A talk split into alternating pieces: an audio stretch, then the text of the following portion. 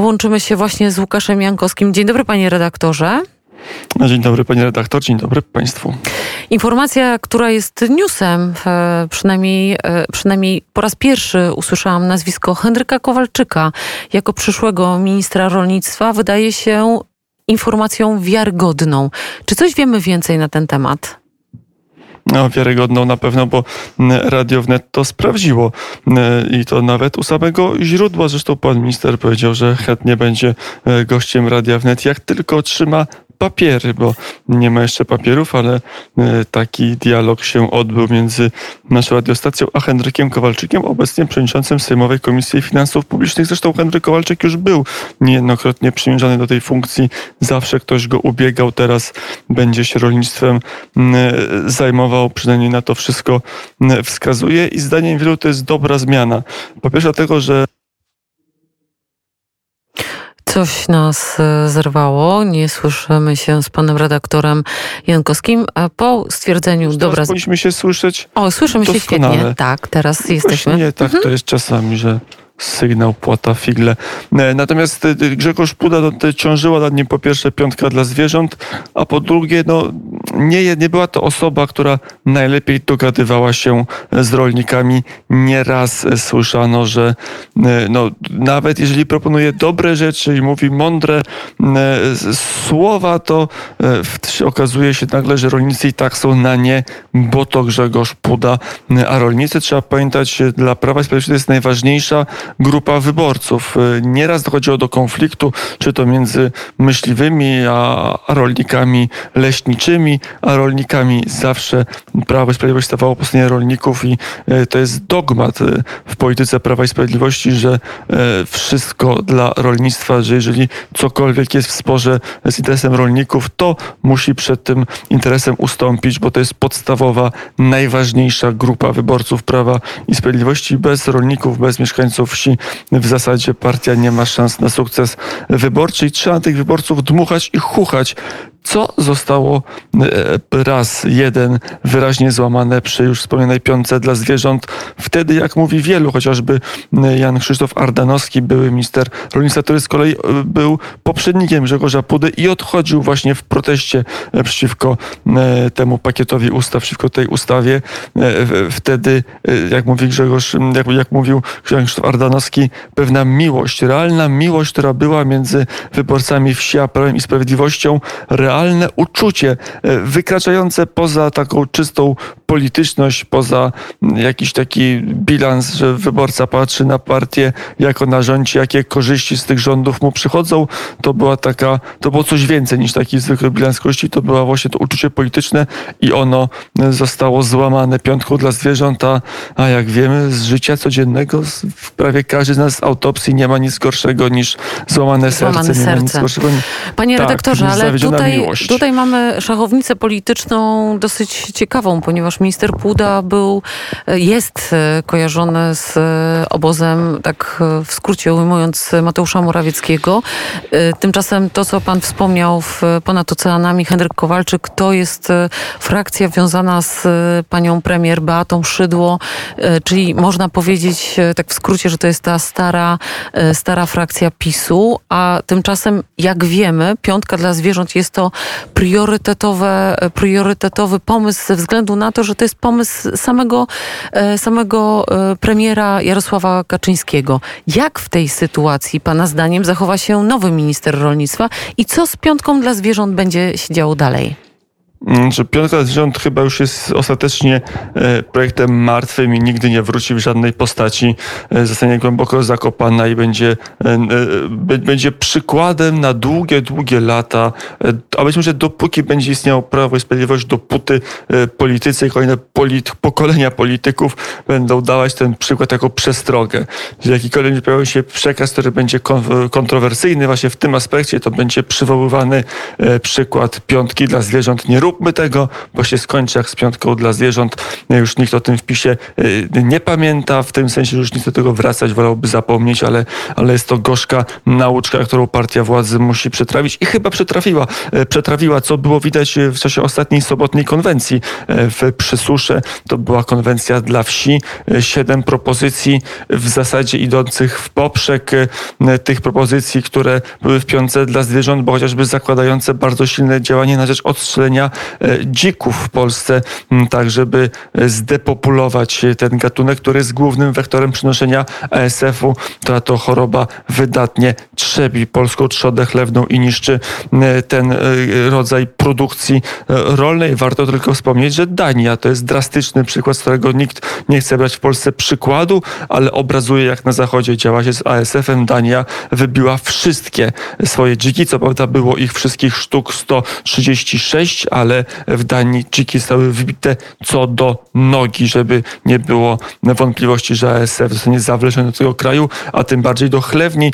A Dania to kraj, który produkuje znaczące ilości wieprzowiny i, i produktów z, ze świń e, dla całej Europy i, i nie tylko. No więc tutaj już jest ten pomysł, żeby zdyscyplinować e, myśliwych i strzelać, strzelać i jeszcze raz strzelać, co jest trochę w poprzek filozofii, która przyświecała piątce dla zwierząt. Zresztą sam Jarosław Kaczyński w czasie przemówienia w Przysusze w sobotę no w zasadzie wprost przepraszał za błędy. Wszyscy wiedzieli, że to są przeprosiny wobec wsi za piątkę dla zwierząt, która nadszarpnęła mm, poparcie dla Prawa i Sprawiedliwości. Zresztą warto popatrzeć, że mm, kiedy się patrzy na, mm, na sondaże wyborcze, to e, główne tąpnięcie dla Prawa i Sprawiedliwości właśnie było po tej ustawie, po tym pakiecie ustaw, czyli po piątce dla zwierząt, a dopiero na to nałożyły się strajki kobiet i, e, i dołek sondażowy Prawa i Sprawiedliwości z którego dopiero teraz ta partia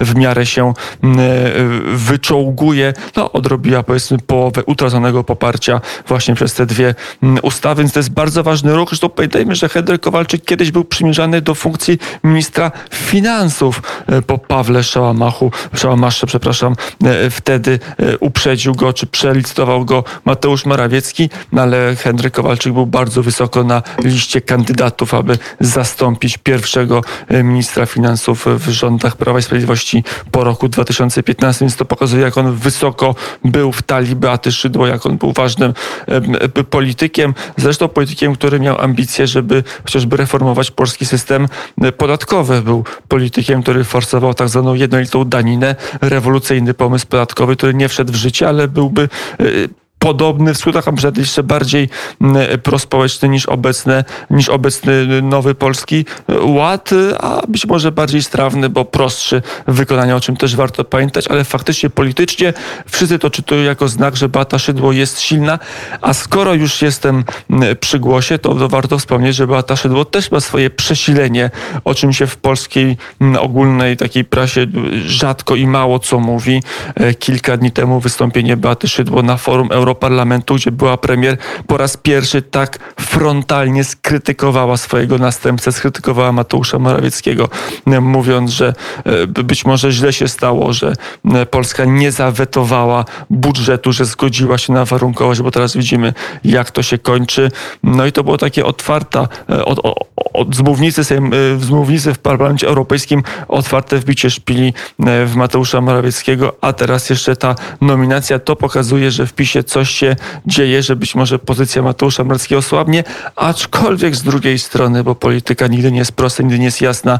Wszyscy mówią, że nowym ministrem rozwoju, czyli ministrem gospodarki, również niezwykle ważnym, może najważniejszym ministrem zostanie Piotr Nowak, były wiceminister finansów, osoba, no technokrata, osoba bliska mentalnościowo, także może nie politycznie, bo to nie jest polityk, ale, ale, ale z jakoś z, z, z wyobrażeń e, pana premiera Mateusza Mateusza Morawieckiego, osoba, z którą on już wcześniej widział na, na, na fotelu ministra finansów, ale nie było wtedy, e, na fotelu ministra cyfryzacji, ale nie było wtedy na to zgody. Teraz, teraz będzie to rozwój, też technokrata, e, też osoba związana z rynkiem finansowym, Piotr Nowak, który przez wiele lat zarządzał polskim długiem, handlował polskimi obligacjami, żeby było jeszcze ciekawej karierę na stanowisku ministerialnym w Ministerstwie Finansów. Piotr Nowak zaczynał jeszcze za Platformy Obywatelskiej za Mateusza Szczurka, za, za jego kadencji przy, w gmachu przy Świętokrzyskiej w Ministerstwie Finansów, więc to pokazuje, że to jest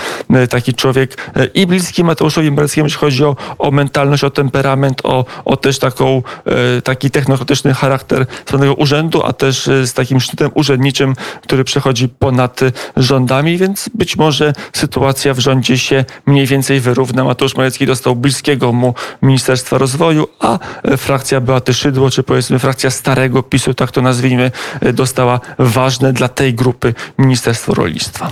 No i oczywiście y, to, co rozpoczyna właściwie rekonstrukcję zapowiadaną rządu, to jest to odejście z rządu wicepremiera Jarosława Gowina.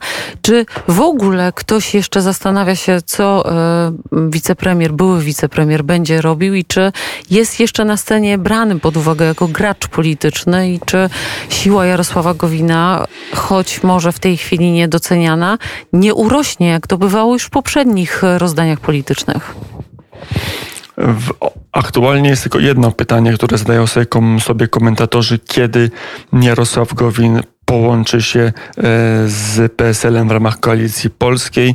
Wiemy, że nie stanie się to teraz, no bo lepiej, żeby e, partia pojawiła się w sondażach, nawet jak ma 0,0,0 e, i coś tam na końcu poparcia.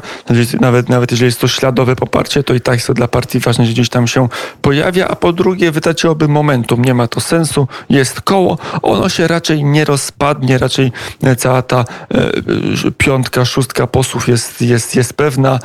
E, dwie posłanki i trzech e, posłów, tak to wygląda w tej chwili pięcioro e, posłów. I tam chyba nikt nie przejdzie z powrotem do obozu rządzącego, więc to koło może trwać, może występować, może angażować świat polityczny, a, czy, czy, czy angażować uwagę polityczną, a, a dopiero swój ślad na scenie odciśnie, kiedy wejdzie, kiedy się połączy z PSL-em, no ale to będzie pewnie, jak mówią politycy porozumienia, może na rok przed wyborami, wyborami, a może jeszcze później, tak aby to pasowało do dynamiki politycznej, że nagle buduje się jakaś lista między Platformą a PiSem.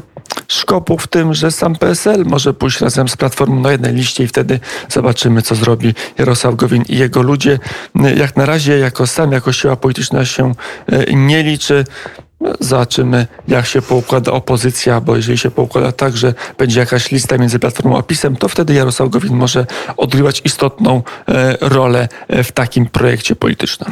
Proszę nie rezygnować ze słuchania Radia Wnet, choć dziś zapewne debata w Sejmie znowu będzie gorąca.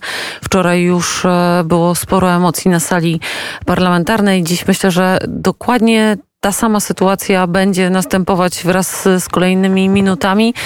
A ja dziękuję panu redaktorowi Jankowskiemu za. E... A ja mam jeszcze jedną informację. A to ja chętnie posłucham z słuchaczami. Bo pani redaktor nie zapytała o innego wicepremiera, który też ma odchodzić z rządu Jarosława Kaczyńskiego. Ach. Jak powiedział e, dla Radia Wnet Marek Suski, to, to, to, to oficjalnie już powiedzmy, e, zdaniem byłego szefa gabinetu e, Mateusza Mareckiego, ważnego polityka, tak zwanego zakonu PC, odejście Jarosława Kaczyńskiego nie jest wcale takie pewne. Ono najprawdopodobniej nastąpi, ale jak, jak zaznaczył Marek e, Suski, nie, po, nie została podana data. E, prezes PiSu mówił, że może luty, może styczeń, a może później. A może za cztery lata ktoś, i tym spokojnym. Na przykład. No więc właśnie trochę w tym duchu się będą Marek Suski, więc jeżeli ktoś już się przywiązał do tej myśli, że rząd będzie bez Jarosława Kaczyńskiego od jutra, to może się z tą myślą pożegnać. Jest taki sygnał, ale czy on się ziści, to niektórzy politycy PiSu